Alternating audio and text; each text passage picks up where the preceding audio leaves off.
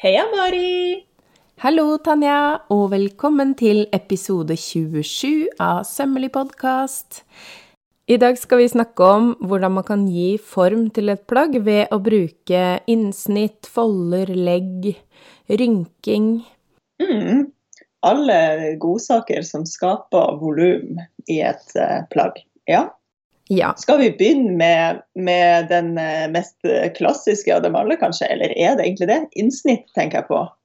Jeg vet ikke. Hva bruker du egentlig mest? Går det mest i innsnitt, eller er det liksom foldene som er favoritten, og leggene? Det går mye innsnitt her, altså. Det er Ja. de, veldig mange plagg som krever et innsnitt. Og jeg tenker at vi kan jo begynne med å definere funksjonen til et innsnitt sånn tradisjonelt sett. Ja, take it away.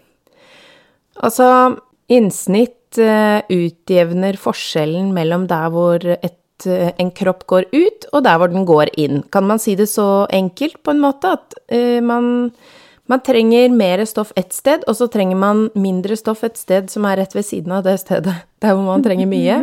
Og da må man ta bort en liten trekant med stoff for å på en måte gjøre plass til den buen ut, da, som kommer. Ja. ja. Et klassisk eksempel dere er jo liksom fra livet, der man gjerne de, Mange av oss går inn, og så går vi liksom ut over rumpa og hoftene. Og da sier det seg sjøl at vi må fjerne litt stoff øverst inn i livet, og så må vi gi det fullt volum nedover eh, stumpen. Så da, ja.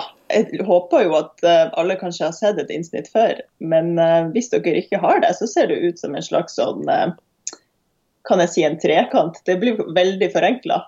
Ja, men det er jo Det kommer også litt an på om snittet er eh, sånn organisk eller ikke, men ja, en slags trekant. Ja, det har en spiss i en ende hvor eh, sømmen skal forsvinne ut i ingenting, og så er det breiere i den andre enden. Ja. Og Jeg tror, vet du hva, det var ei faktisk som skrev til meg en gang at hun bare at hjernen hennes bare sprengtes helt når folk sa sånn Sy ut i ingenting. Hva betyr det, liksom? Hvor er, hvor er ingenting, og hvorfor skal ting sys ut i ingenting? Men det man mener, er jo at vi bare liksom syr oss sånn veldig gradvis av stoffet, så det blir sånn smooth overgang fra liksom søm til bare stoff plutselig ytterst på den trekanten. da. Ja, det var bra definert, for det, det blir jo nesten litt filosofisk når man skal begynne sånn Hva er egentlig det blir veldig ingenting? abstrakt. sånn, oi, oi. Ja, men Ja. Det, det er derfor vi trenger nybegynnere, for at de skal hjelpe oss å stille de gode spørsmålene. Ja, det er veldig digg. Veldig digg. Ja. Ja, innsnitt. Det, det er jo en personlig favoritt hos meg, da, fordi man kan jo på en måte Det som er litt gøy med synes jeg, er jo at man kan flytte så mye på dem. I hvert fall på en bol, hvis man skal ha et sånn bystesnitt. Så kan man jo på en måte flytte opp i halsen, eller liksom ned i, eh, ned i eh, på nederste delen, som går liksom ned mot uh, skjørtelinninga, eller liksom ikke så lenge siden nå at jeg lagde en sånn bluse. Og jeg, vi har jo nevnt dette her før i episoden om kropp, at jeg har ganske sånn lave pupper.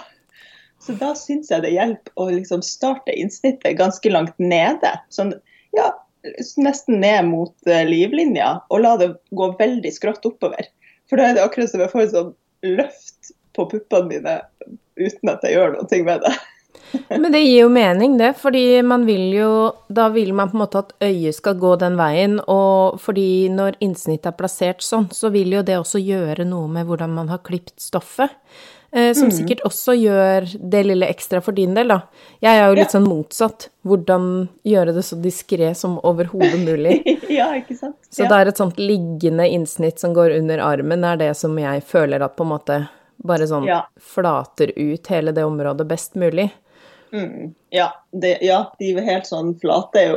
De er jo også veldig sånn Jeg syns de er litt sånn clean og rett, liksom. Det blir sånn ding, ferdig med det. Jeg har som regel det i mine mønster, med unntak av eh, den ene kåpa mi, hvor der får man et løft. Eh, For Ja. å si det mildt. Det er ganske mange som opplever at det ble litt mye pupp i den. mye pupp, ja. Men den eh, Det er den de nedenifra og opp-innsnittene veldig ofte gjør.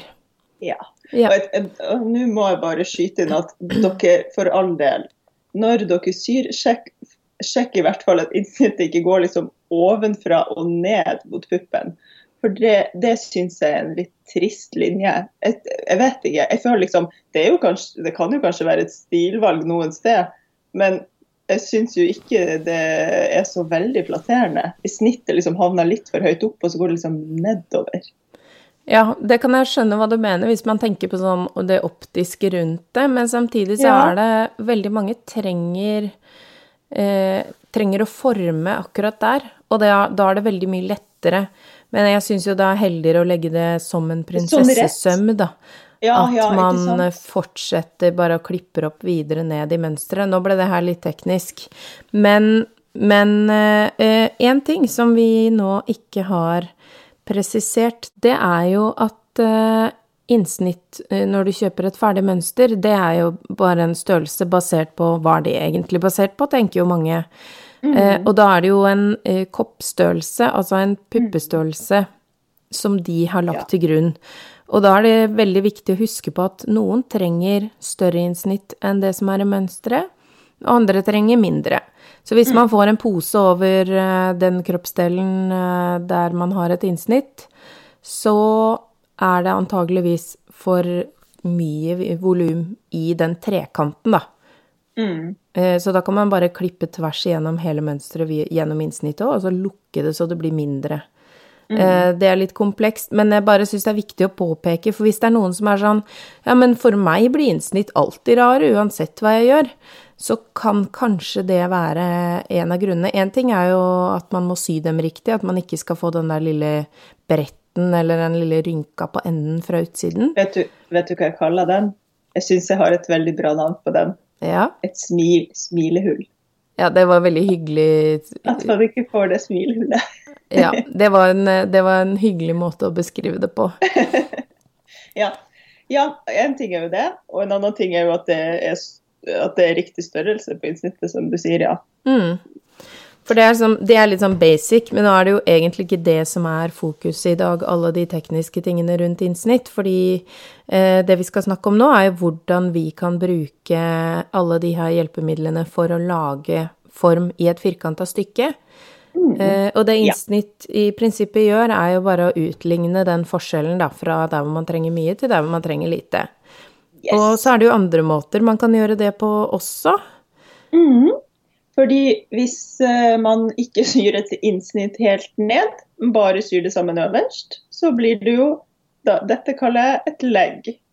Ja. For du kommer inn på det der det definisjonsspørsmålet, kanskje. Ja. Det store definisjonsspørsmålet. Hva er folda kontra legg? Du, nå har jeg dratt fram det beste store sybok.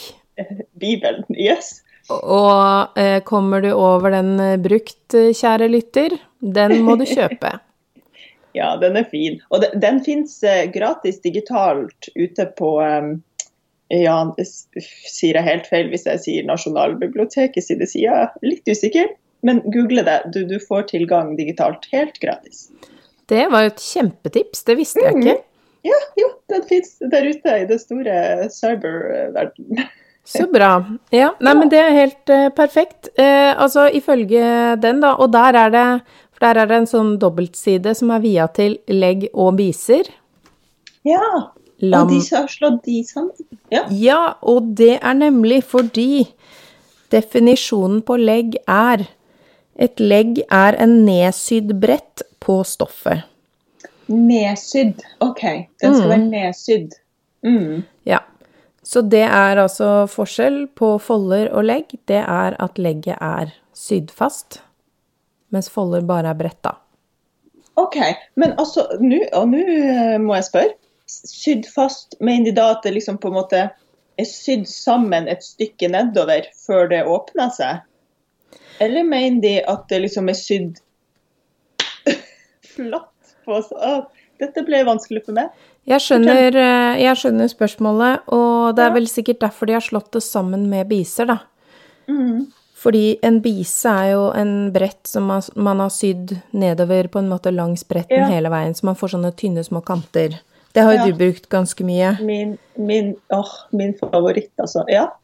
Mm. Men, så da mener de det samme med legg, at man syr det ned et stykke, og så bretter det til sida? Ja, det er sånn jeg tolker denne definisjonen. For da tenker jeg, hva skjer når du slår opp på folda? Ja. Eh, Det, der var det ikke noe definisjon. Nei. Eh, For der var det bare mange måter å brette på. Så det var helt okay. tydelig for meg at det er ting som kun er bretta, det er folder. Fordi ja. det, det ville de ikke definere engang, sånn jeg oppfatta det. Ja, ikke sant. Nei, da, da er det her tydeligvis en litt sånn gråsone som ingen tør å uttale seg veldig tydelig om, kanskje. Ja, kanskje. Legg dannes ved at to sømlinjer legges over hverandre og sys. Ja, OK. Ja, men er greit. Stoffet Greit. mellom sømlinjene ligger dobbelt og danner legg. Mm. Ja, Ja. så det ja, men eh, det er godt å vite. Takk for det, Det beste store sybok. Da, da vet vi det, at eh, så forskjellen på biser og legg er sånn sett ikke så stor, og den, på legg og folder er heller egentlig ikke så stor, men det er, det er på en måte flere trinn i den samme prosessen da, som utgjør om det er det ene eller det andre. Sånn at om du ser eh, noe som ser ut som et foldeskjørt langt unna, og så ser du det nærme, og så er det sydd fast øverst, for eksempel. Hvis det er sydd da på den ene måten, så er det biser, og sydd på den andre måten, så er, måten, så er det legg. Hvis de da er bretta som, som en fold, men er sydd. Herregud, altså nå Sorry, jeg blir litt sånn fjern her, for jeg ser, prøver å se det som for meg. Men hvis For da begynner jeg å tenke sånn OK. For, men en bise er jo alltid sydd på en måte ut mot retta, sånn at den, den står ut og skaper tekstur utover. Altså, Man kan jo Mm. selvfølgelig gjøre det innover òg hvis man er hipp og kul og skal være annerledes, men, men i utgangspunktet så skal den jo stå ut. Mm. Um, så da tenker jeg, er det også et kriterium for legg, da? At folder kanskje kan være ting som foldes innover, mens legg ligger utover? Ja, det kan jo godt hende. Her, nå er Velkommen til uh, ja, Filosofi spesial.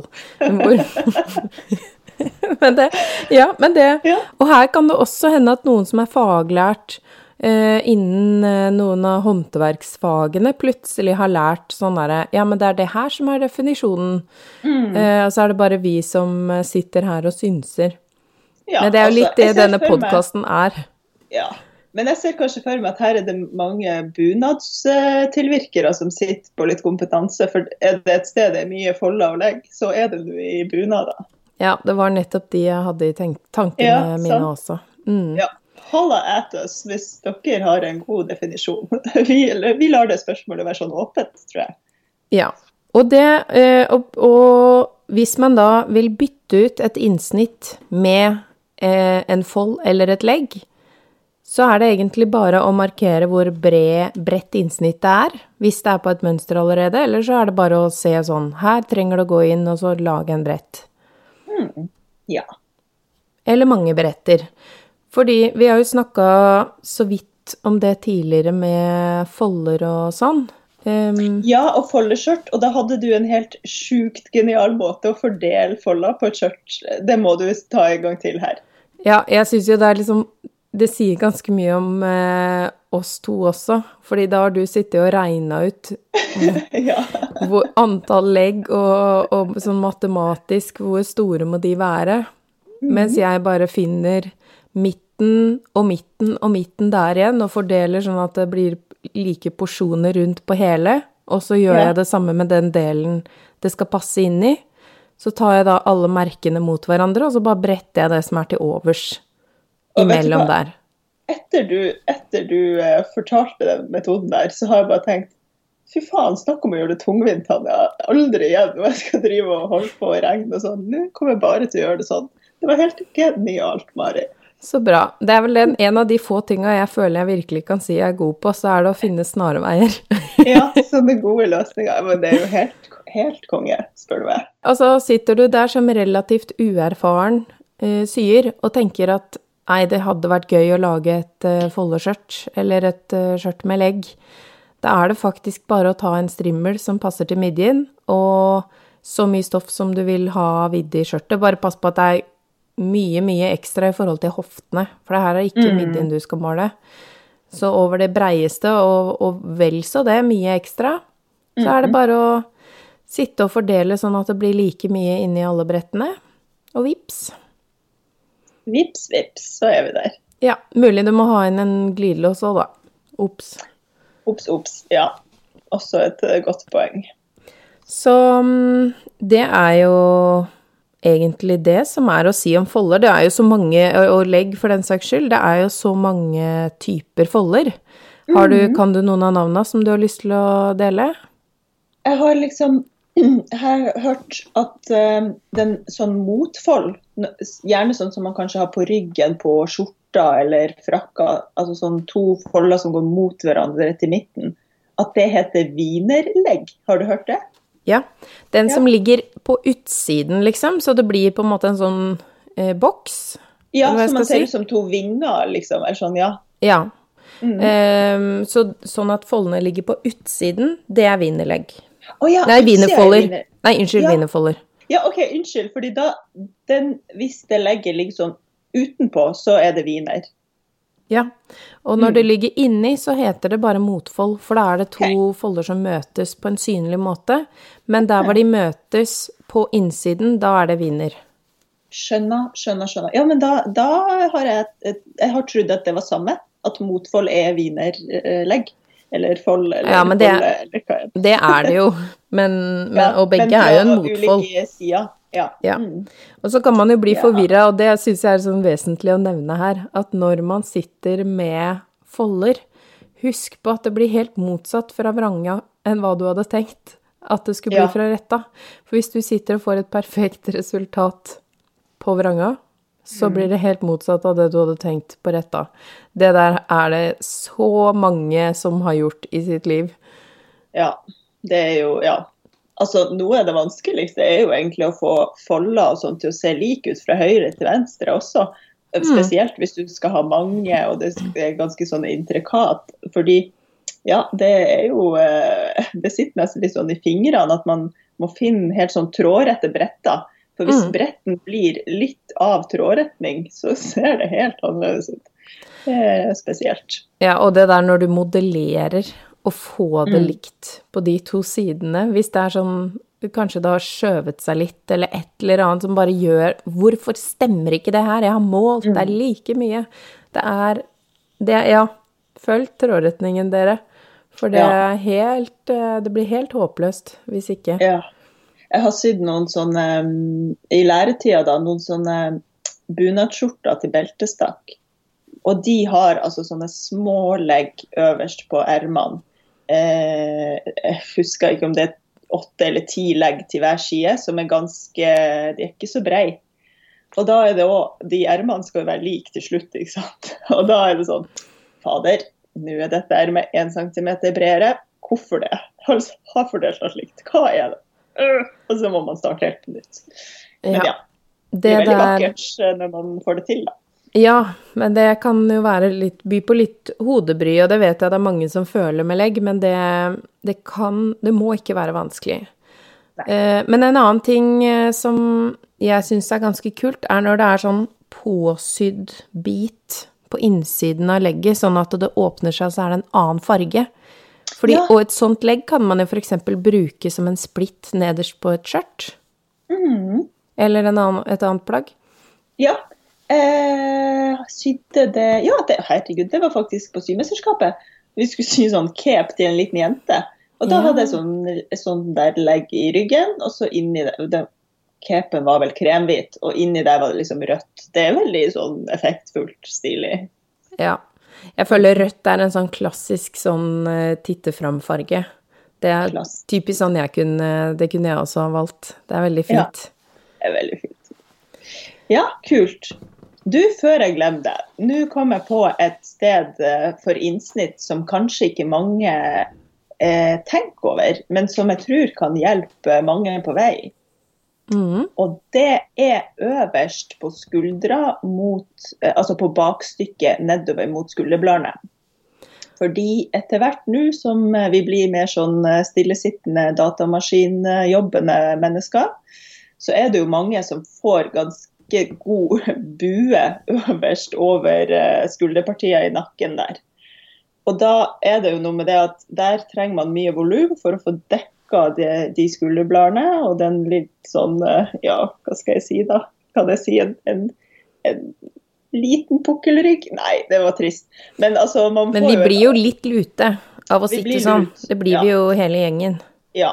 Så hvis man kjenner der at det aldri er nok stoff, og så eh, hvis man utvider, så blir skuldrene så store, og så skjønner man ikke helt Du kan liksom ta inn skuldrene med et lite innsnitt, og likevel få full bredde over, eh, over skulderbladene der. Det er et lite magisk eh, triks det der i mønsterverden, altså. Mhm. Det, det gjør så mye, for det er bare akkurat nok til at det er behagelig å sykle eller kjøre bil, eller Mhm. gjøre ting hvor du trenger å ha armene framover, eller bare sånn. Ja.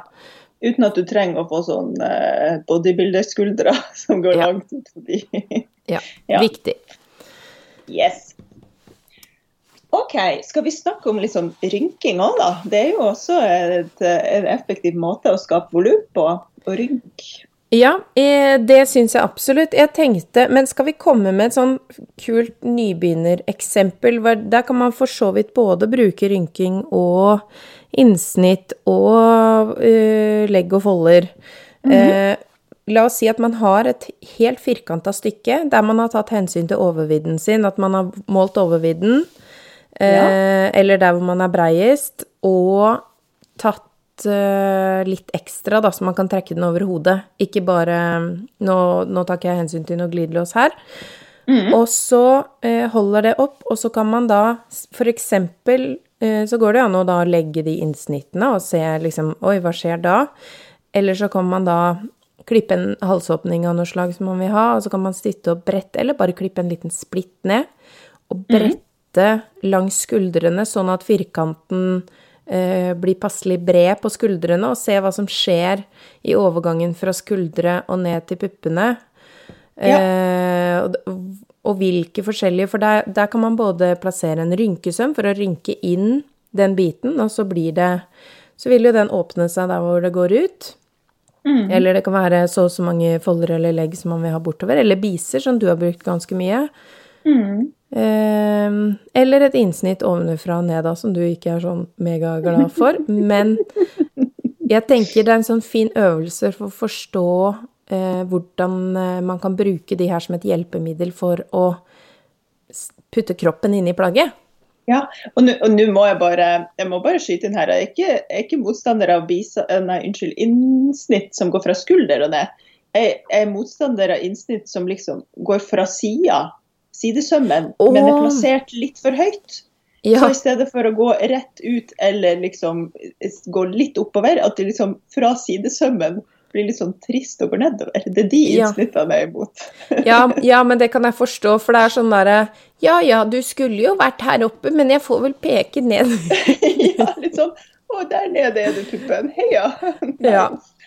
Men det hender jo at det ofte blir sånn hvis man skal modellere fram et innsnitt i et plagg man allerede har, så blir de Ja. veldig ofte plassert litt nedover fordi man ikke har noen, noe annet sted å putte det. Ja, for det er liksom der det har skåret seg, og det er der man må ta vekk stoff. Men Ja. men ja. Prøv å unngå det, dere. Kan, hvis man eh, må Altså, jeg har måttet gjøre det mange ganger, og heldigvis da, så er det jo ikke sånn at folk ser så innmari mye inni armhulen på, på andre.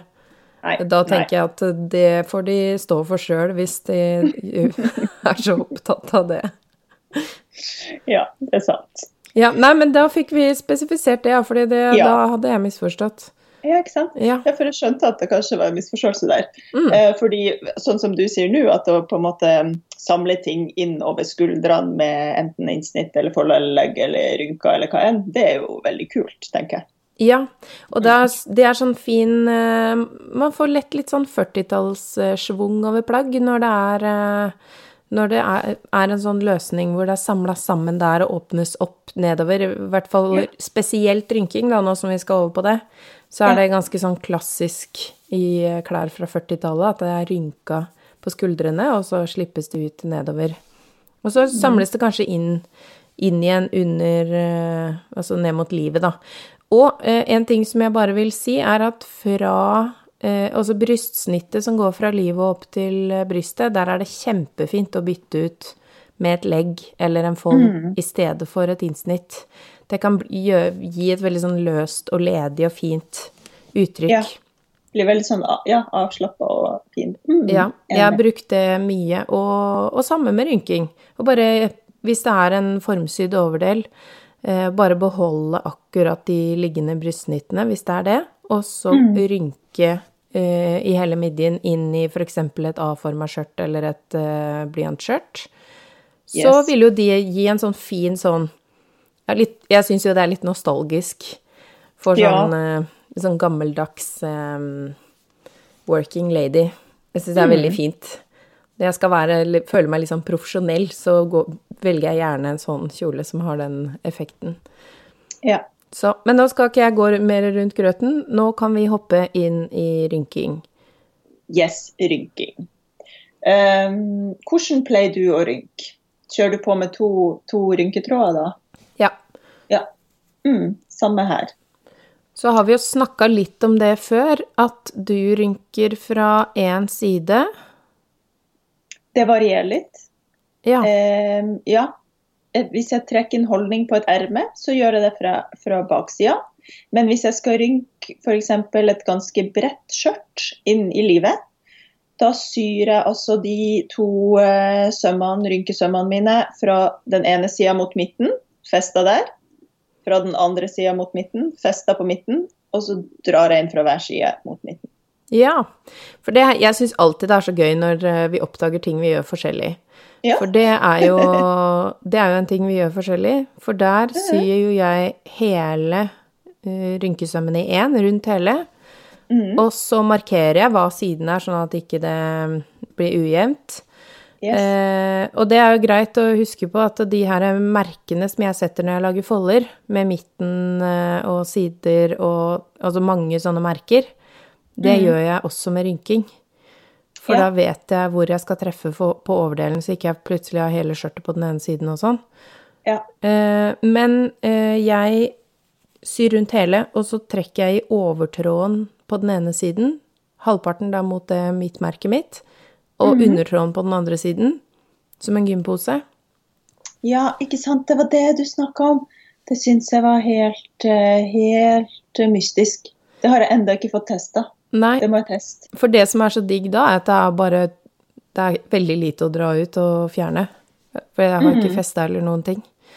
Eh, Og det kan godt hende det er mange grunner til at man heller bør gjøre sånn som du gjør, det vet ikke jeg, men det, det har fungert for meg, da. Og Altså, grunnen til at jeg gjør det sånn som jeg gjør det med å feste midt foran, er at jeg har veldig sånn kontroll. At det blir jo mindre områder å dra inn og ha kontroll over. Og også midt bak. Altså, ja, nå må jeg jo presisere her igjen. Jeg fester midt foran på forstykket, og så gjør jeg samme, samme modell med å feste midt bak på bakstykket. ja. Og så har jeg det litt sånn at um, Og da drar jeg jo inn fra sida.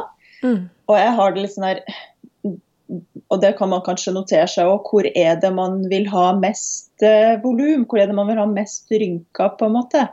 Ja, det er litt det- viktig å huske på at det Ja. er ikke sånn at det alltid skal være helt jevnt. Nei, fordi jeg syns f.eks. det er greit at det ikke er sånn altfor mye rynker i rett akkurat i sida.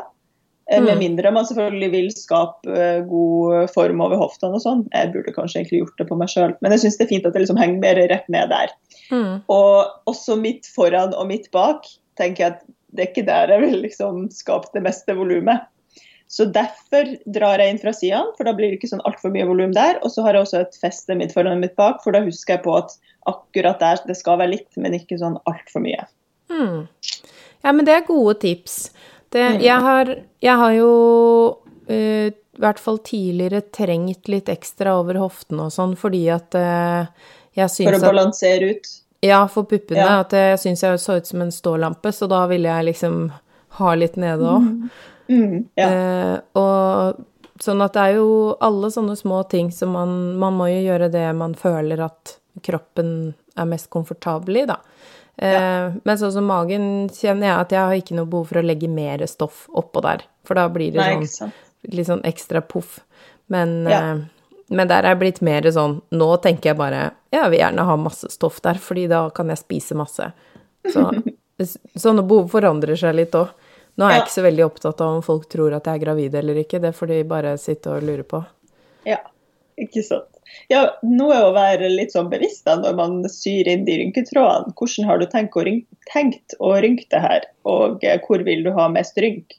Så kanskje liksom Vil du ha masse rynk over side, i sidene, så ville jeg jo ikke gjort det sånn som meg, da. For det blir ikke så mye der, siden Nei. det er der tråden starta, på en måte. Mm.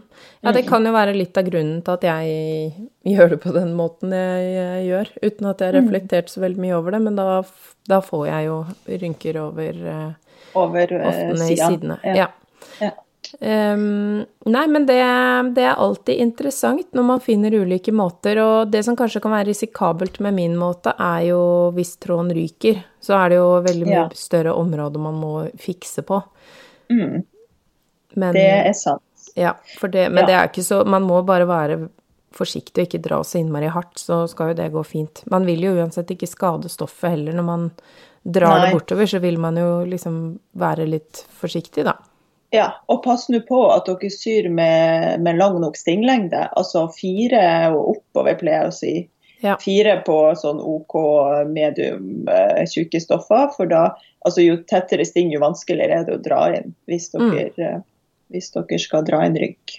Ja, jeg tar alltid den lengste tilgjengelig, som regel. Ja. Fordi det er jo som regel ikke så veldig lange ting tilgjengelig. Eller det er jo ikke så ulikt fra maskin gå, til maskin. Men på industri Ja, men det er vel, det er vel Pål, det, eller? Nei. Nei. Vet du hva, Pål går bare opp til fire. Å oh, ja. Eh, ja. Eh, man får industri som går opp høyere, men han er en sånn eh, nøktern type, da. Så han ja. går bare opp til fire. Mens på Faffen min, da kan jeg gå opp helt opp til seks, faktisk. Mm. Ja. Hmm. ja. Nei, men det, det, er interessant. Jeg må innrømme at nå har jeg glemt å sjekke hvor høyt jeg egentlig går på mine Berninaer, men, eh, men jeg går på maks på de, da. Ja. Mm. Som regel. Yes. Men um, en annen måte å rynke på uten å bruke rynketråd, det er jo rett og slett å bruke strikk. Det er også mange varianter man kan gjøre det på. Um, enten å tre i en strikk, rett og slett, sånn som uh, i midjen eller nederst på et erme hvis man vil ha litt sånn ballong eller mm. uh, Ja, eller løpegang med en snor man kan justere sjøl. Det er jo også yeah. rynking, bare ikke, med, bare ikke at det er sydd fast. Nettopp, ja. Og da, og da, eh, hvis jeg skal rynke med strikk, eh, så pleier jeg å gjøre det litt sånn på gefühlen, At jeg bare liksom strekker den strikken sånn, ja, og syr den på. Så mye, ja, så ja. mye som jeg kjenner at det er nødvendig. ja, og det, er det syns jeg er ganske morsomt, for det blir sånn vosj når du slipper den, og så bare å, der har det ja. forandra seg helt. Men da, hvis den skal passe til noe, da la oss si man skal eh, ha det på et håndledd eller midje eller hva som helst, så må man ja. jo ha målt eh, strikken der hvor den passer. Mm. Og så pleier jeg faktisk å ta en centimeter ekstra som ligger litt ut forbi, som jeg rygger og fester med rett søm, bare sånn, sånn, at den sitter fast i stoffet. Ja. Og så mm. setter jeg på den eh, elastiske sømmen jeg skal bruke, som gjerne kanskje er sikksakk. Ja. Så strekker jeg eh, Jeg pleier å strekke først å sette et par festepunkter, sånn at jeg ikke må dra i hele arbeidet på en gang. Mm. Men så drar jeg bare fra det punktet til det punktet, strammer hele greia og syr oppå mm. strikken og stoffet. Er det sånn du gjør det? Sant. Altså, vet du hva, nå får du sikkert bakoversveis, for nei. Jeg lar liksom eh, jeg, lar, jeg tar det sykt på gefühlen. Men altså, det kommer jo litt an på. Skal jeg være veldig nøye eh, med liksom to ermer som skal være lik, eh, lik strukket, eller rynka inn, unnskyld, nederst på eh, mot håndleddet, så kan det være at jeg måler ut. Men det er jo også et ganske lite stykke man jobber med. Ja, da trenger man liksom, jo ikke merker. Ja, men hvis jeg liksom skal gjøre det på jeg sier et, et eh, skjørt eller hva enn, da eh, jeg har jeg altså en tendens til å bare ta strikken, og så jeg lar liksom stoffet ligge under der mens jeg syr. Og så strekker jeg strikken mens jeg syr. i liksom, Det har en sånn gefylføling på at så mye vil jeg at strikken liksom skal strekkes i full utstrukket tilstand. Skjønte du det? Jeg skjønner det. Og så bare syr jeg. Mm. Ja. Og så bare prøver jeg å, å strekke likt hele veien. Og så pleier det å funke, altså. Det er, det er omtrent det jeg gjør òg, altså. Det er Ja. bare at eh, jeg har ved et par anledninger laget bare sånn akkurat litt for trange truser og sånn. Ja, det Så derfor så har jeg funnet ut at det bare å ha sånn markert Et midten, eksempel, Ja. så, ha, Ja. så strekker jeg derfra til dit, for da vet jeg at uh, da er det imellom der at jeg kan være litt mer sånn på gefühlen, da. Ja. Mm. Men det er jo fordi jeg har gjort gærent lite grann. ja. Man lærer jo av, man lærer jo av ting. Og, og hvis jeg kjenner at nå må jeg være nøye, så, er jeg, så gjør jeg det sånn som du sier. Ja. Men hvis jeg kjenner at dette er et gøy prosjekt, nå skal jeg bare lage et eh, artig eh, plagg med strikk her i livet, liksom, så bare går det. Ja, ja, sånn når jeg syr ting til ungene, eller det skal være en sånn kjapp greie, så gjør jeg ofte det også. Um, og så er det jo forskjell på hvor elastisk strikken er, og da kan man bli litt sånn Å, var dette alt? Så det kan være greit å sjekke, da. Ja. Eh, men nå er det jo ganske, blitt ganske hipt med denne Hva kaller du det? Jeg kaller det egentlig vaffel... eh, ting med den vaffeleffekten. Men Ja. altså sharing heter det på engelsk, eller sharing. Mhm. Eh, Ja. Og, Det, som det som irriterer meg Nå må jeg få, få stor tyngde av mitt bryst her, bare. ja, Det som irriterer meg, er at vi i det norske syspråket ikke har et eget navn for det her. For vi sier vaffelsøm ja, og til det er jo den egentlig da. Ja, Ja, det er egentlig smokking. ja, Da blir jeg sur. Ja, ja, fordi det Da mangler vi et ord for å være presis i sømspråket her. Og det ja. irriterer meg. Men ja. Mm. Da kaller vi det eh, strikkvaffelsøm i dag, da. Og så Ja, har vi noe som er i hvert fall litt mer presisert.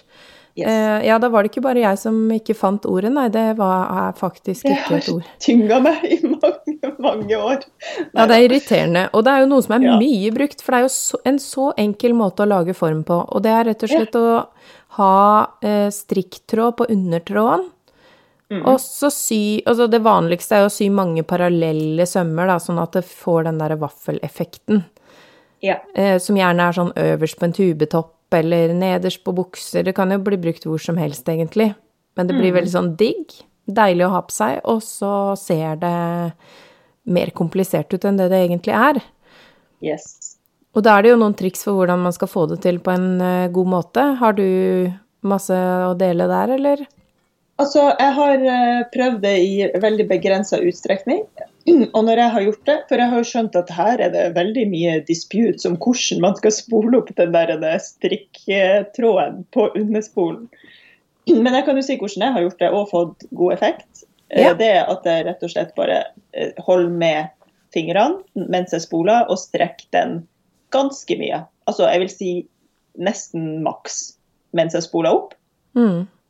Og så tar jeg eh, stinglengda mi litt opp, gjør jeg vel? Ja, jeg tar stinglengda mi litt opp, og så spenner jeg opp eh, Altså tar trådspenninga på overstråen litt opp også. Mm. Det er det jeg gjør. Hva Ja. gjør du? Ja, det er nok omtrent det samme, men det er veldig lenge siden jeg har gjort det. Fordi jeg, jeg gjorde det, det så masse da jeg var nybegynner at jeg på en måte var ferdig med det. Ja, ferdig med det. Ja. For det er sånn, for meg er det liksom ungdomstiden. Så... Ja, jeg, jeg, har, jeg har ingen klær med sånn sjøl. Jeg har gjort det på kostymer, liksom. Mm. Ja, ja det, var, eh, det var i min spede systart. Så, Ja. så drev jeg masse med det, og så tror jeg bare jeg ble litt sånn ferdig med det. Men det er jo veldig fint, så det er jo ikke noen grunn for å ikke sy det, egentlig. Nei. Mm, veldig sånn 90-talls. Jeg får veldig sånn 90-talls-vibes av sånn type klær, da. Med sånn vaffelsøm øverst på toppen og sånn.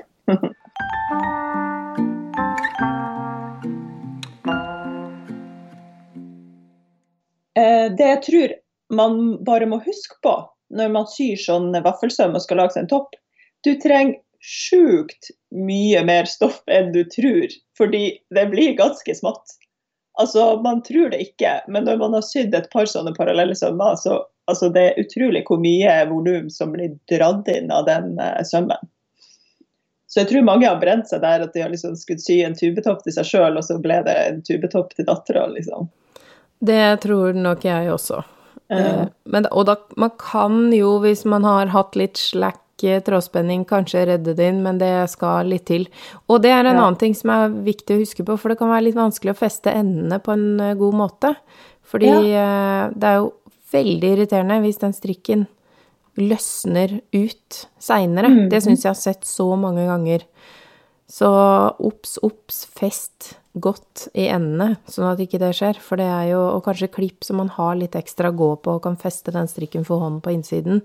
Mm. For den smetter veldig lett ut når den får så mye trykk på seg. Ja, ja. Dra ut litt sånn ekstra strikk når man er ferdig, og knyte skikkelig godt. Ja. Man blir Enig. litt gnien på den strikken ettersom det er jo ikke så veldig mye på en sånn eh, spole. Men ikke Ja. vær så gnien at eh, den, det blir stygt seinere. Nettopp.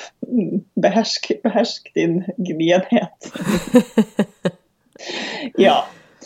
Eh, ja, kult. Du, jeg har en, et påfyll her. fordi vi snakka jo om eh, de der rynketrådene som vi syr, og at vi syr to. Hvorfor syr vi to? Det må vi jo kanskje presisere for noen som aldri har gjort det her før. Ja, godt poeng. Ja, godt poeng. Da kan du få lov til å fortelle det. Ja, altså når man har eh, to rynketråder, eh, så ligger jo rynkene da jevnt og pent imellom de to trådene, sånn at når man da skal sy dette her fast i noe annet, så plasserer man den vanlige sømmen imellom rynketrådene og får rynkene Det hindrer rynkene i å plutselig legge seg i et legg i feil retning, eller på en måte sånn bli veldig ujevne eller rare, da, fordi noe holder fast på begge sider. Det er min definisjon. Er du enig? Jeg er enig i den definisjonen. Og så hvis du har vært veldig flink når du har lagt de her to rynketrådene og lagt de på hver side av eh, det sømrommet du har da, altså hver side der den andre sømmen skal gå, så er det så deilig å sy, for da syr du bare midt imellom der. Du trenger liksom ikke å tenke på sømrom lenger. Du bare legger den sømmen din som syr det fast i noe annet, midt imellom de to rynketrådene. Jeg syns det er veldig tilfredsstillende. Ja, det er jeg helt enig i. Hva pleier du å ha på, dine rynketråder? Hva jeg pleier å ha på mine rynketråder? Altså, ry, eh, unnskyld, jeg kan ta det spørsmålet på nytt. Eh, hvilket sømrom bruker du på rynketråd nummer én og rynketråd nummer to? Ja, jeg er jo da som kjent ganske nøye og pillete av meg. Så jeg pleier, å ha, jeg pleier ikke å ha mer enn sånn ca. 4 mm mellom de to. 3-4 mm mellom de to. Så det vil jo da si at hvis jeg har 1 cm sømrom, så legger jeg den ytterste, ytterste rynketråden kanskje på 0,8, og den innerste på 1,2. Ja, her snakker vi. Det er eh, Det er- kommer vel ikke noe overraskende på at jeg kjører litt grann mer cowboystil, så jeg har eh, Er det lov å si? Hva er det upassende å si? Cowboy? Ja, cowboystil er fint, er det. lov å Ja, si. ja. Ja, ja, ja. Eh, Det er eh, Jeg kjører 0,5 på den ene og 1,5 på den andre, og så syr jeg på 1 cm imellom dem. Ja. Ja. Helt lov, tenker jeg. Altså, Ja. ja. Hver sin, hver sin greie. Og nå er det ikke sånn at jeg rynker Det er på en måte ikke det jeg gjør hele tida, så det er Nei. ikke eh, Ja. ja. Det er ikke så Men eh, ja, da har dere Da kan dere jo se hva dere velger å gjøre der hjemme. Yes. Guri malla, er det, er det liksom det vi har om eh, folder og legg og eh, innsnitt og rynker? Altså, Du, nei, innsnitt har vi jo masse usagt om, men Ja, det har vi. eh, Ja. Kan vi bare kutte hele den der, fordi jeg har en til ting på rynka? Sorry. ja, kom med det. Kom med det. Ja. Um, til de av dere som syr mye på overlokk og er veldig glad i overlokken, man kan faktisk rynke med å stille inn overlokken på en eh, spesiell måte. Og da må man nok teste seg litt frem. Det som er ulempen med å rynke på overlokk, er jo at den på en måte rynker i den, eh, i den graden den rynker hele veien, og du har ikke så mye kontroll. Du kan dra litt inn og ut hvis du gir deg sjøl nok trådender på hver eh, side når du er ferdig med overlokket.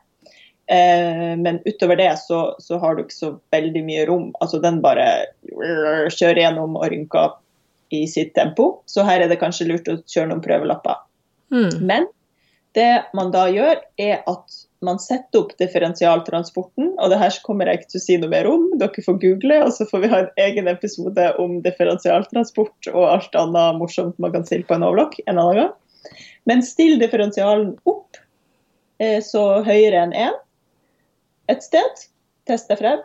Og så stram nåltrådene. Så de trådene som går ned til de to nålene der strammer man eh, trådspenninga, også eh, alt avhengig av stoff osv. osv. Tester litt frem. Men da får du rynker med en overlock. Hvor mye strammer man da, tenker du? For det, man, må jo være litt forsiktig med å røre den trådspenninga. Har du noen sånn formel du opererer med? Har, altså, jo tynnere stoff, jo mindre trenger du å stramme de, for da mm. rynkes det stoffet ganske fort. Det er sant. Men uh, jo tjukkere stoff, jo mer. Altså, og på noe, jeg har opplevd at noen ganger så må jeg helt opp i maks for å få en OK effekt, mens andre ganger så er det liksom bare kanskje en ja, opptil fem, fem-seks. Mm. Mm. Her kan man jo leke seg litt. Eh, jeg syns at, ja, som du sa, det er vanskelig å kontrollere den rynkinga, mm. men det er en veldig morsom måte å leke med overlocken sin på. Ja. Eh, og man kan jo f.eks. bruke det til å lage sånne rynkekapper på de sånne kjoler som er overalt for tida.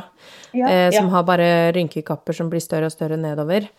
Eh, og da, man er, hvis man ikke helt gidder å regne ut, men tenker at eh, ja, nå klipper jeg bare masse strimler på 20 cm, og så bare kjører jeg dem gjennom, og så tar jeg på en måte mm. bare syr jeg dem sammen i hverandre. Så til sånn type leking så er det jo perfekt å bare ja. rynke i vei. Rynke i vei. Og mm. der er det òg, det fins det faktisk både til overlock og til vanlig symaskin, fins det egne føtter. Sånn at du faktisk kan liksom legge eh, altså skjørtet da si nederst, og så legger du det du skal rynke øverst, eller motsatt, litt avhengig av fot og avhengig av maskin. Og så rynker på en måte maskinen kun det ene stofflaget, mens det syr det fast i det andre som blir flatt. Ja, det der syns jeg er så magisk. Men det, og føtter er jo så gøy, så det må vi jo dykke inn i på et tidspunkt. Føtter er gøy. Føtter er gøy. Jeg har så, så liten fotfetisj gående. Ja, Mari. Skal vi gå avslutningsvis over til ukas inspirasjon? Ja, og det her er sånn Det er ikke direkte på tema søm, men det er på men det er et tema som gjelder alle områder i livet, så da syns jeg at jeg skal ha det med i podkasten. Mm. Um, og jeg vil anbefale en bok av uh, Igioma Olo. Jeg er litt usikker på om jeg uttaler det helt riktig, men eh, den heter So You Want to Talk About Race. Mm -hmm. Og det er en bok som veldig enkelt og greit forklarer eh, rasisme i hverdagen, i, altså i alle mulige settinger, og hvor man blir veldig klar over hva rasisme kan være. Eh, mm på, forklart på en veldig sånn ikke-dømmende måte og veldig For det er jo et utrolig ubehagelig tema, det syns vi alle.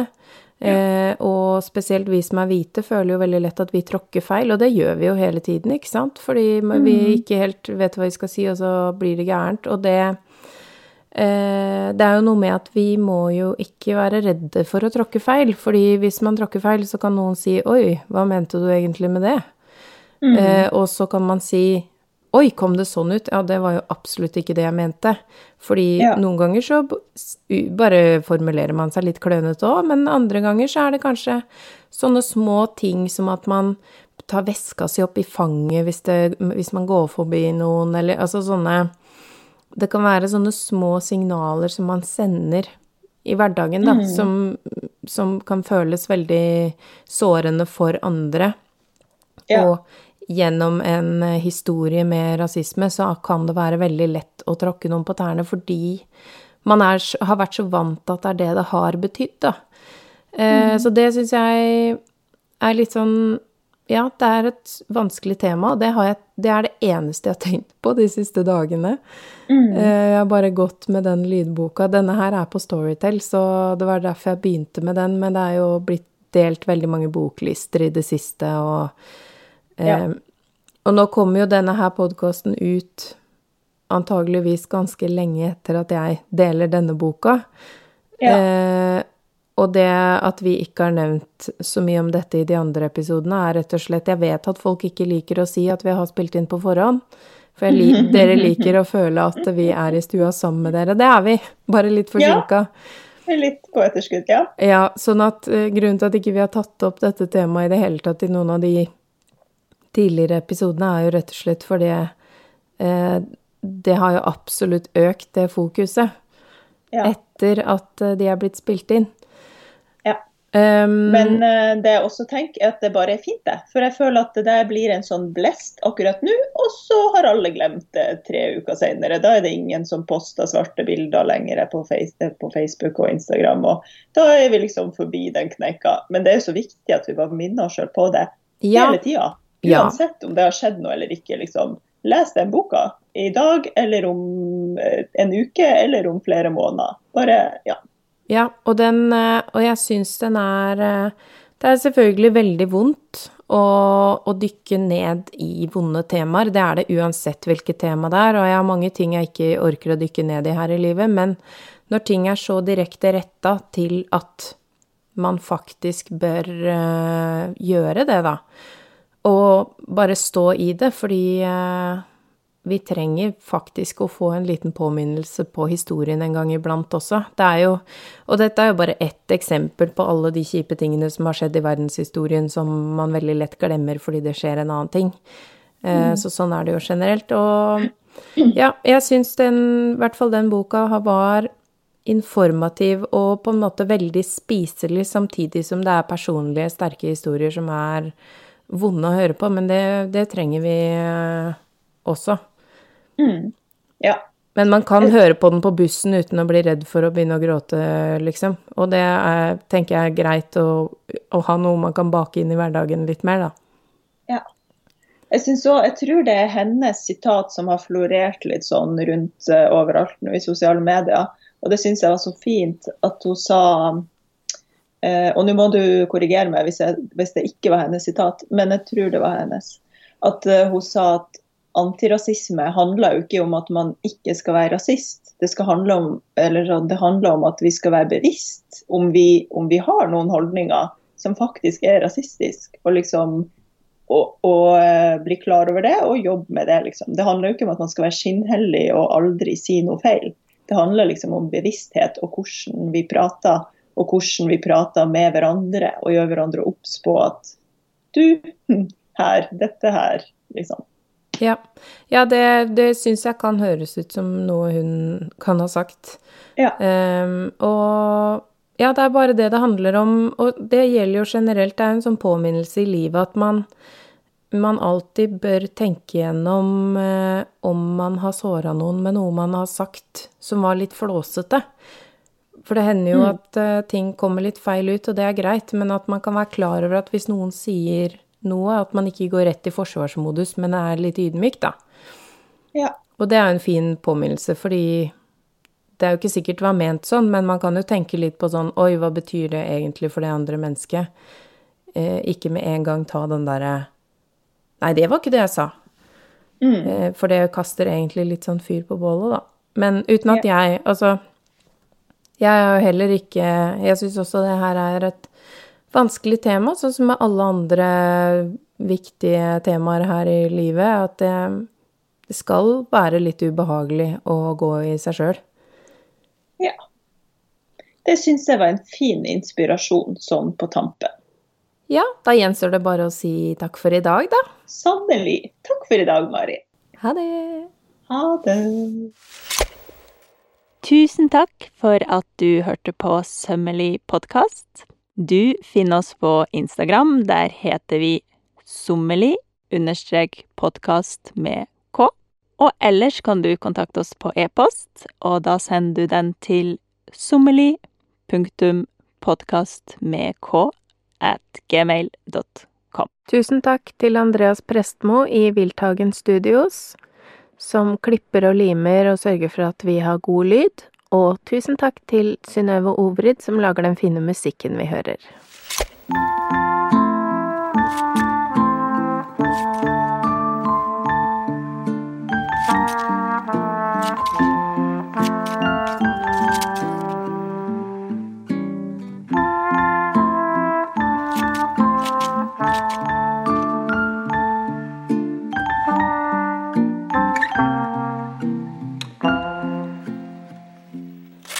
Hvis du har lyst på enda mer innhold fra oss, så kan du finne oss på Patrion.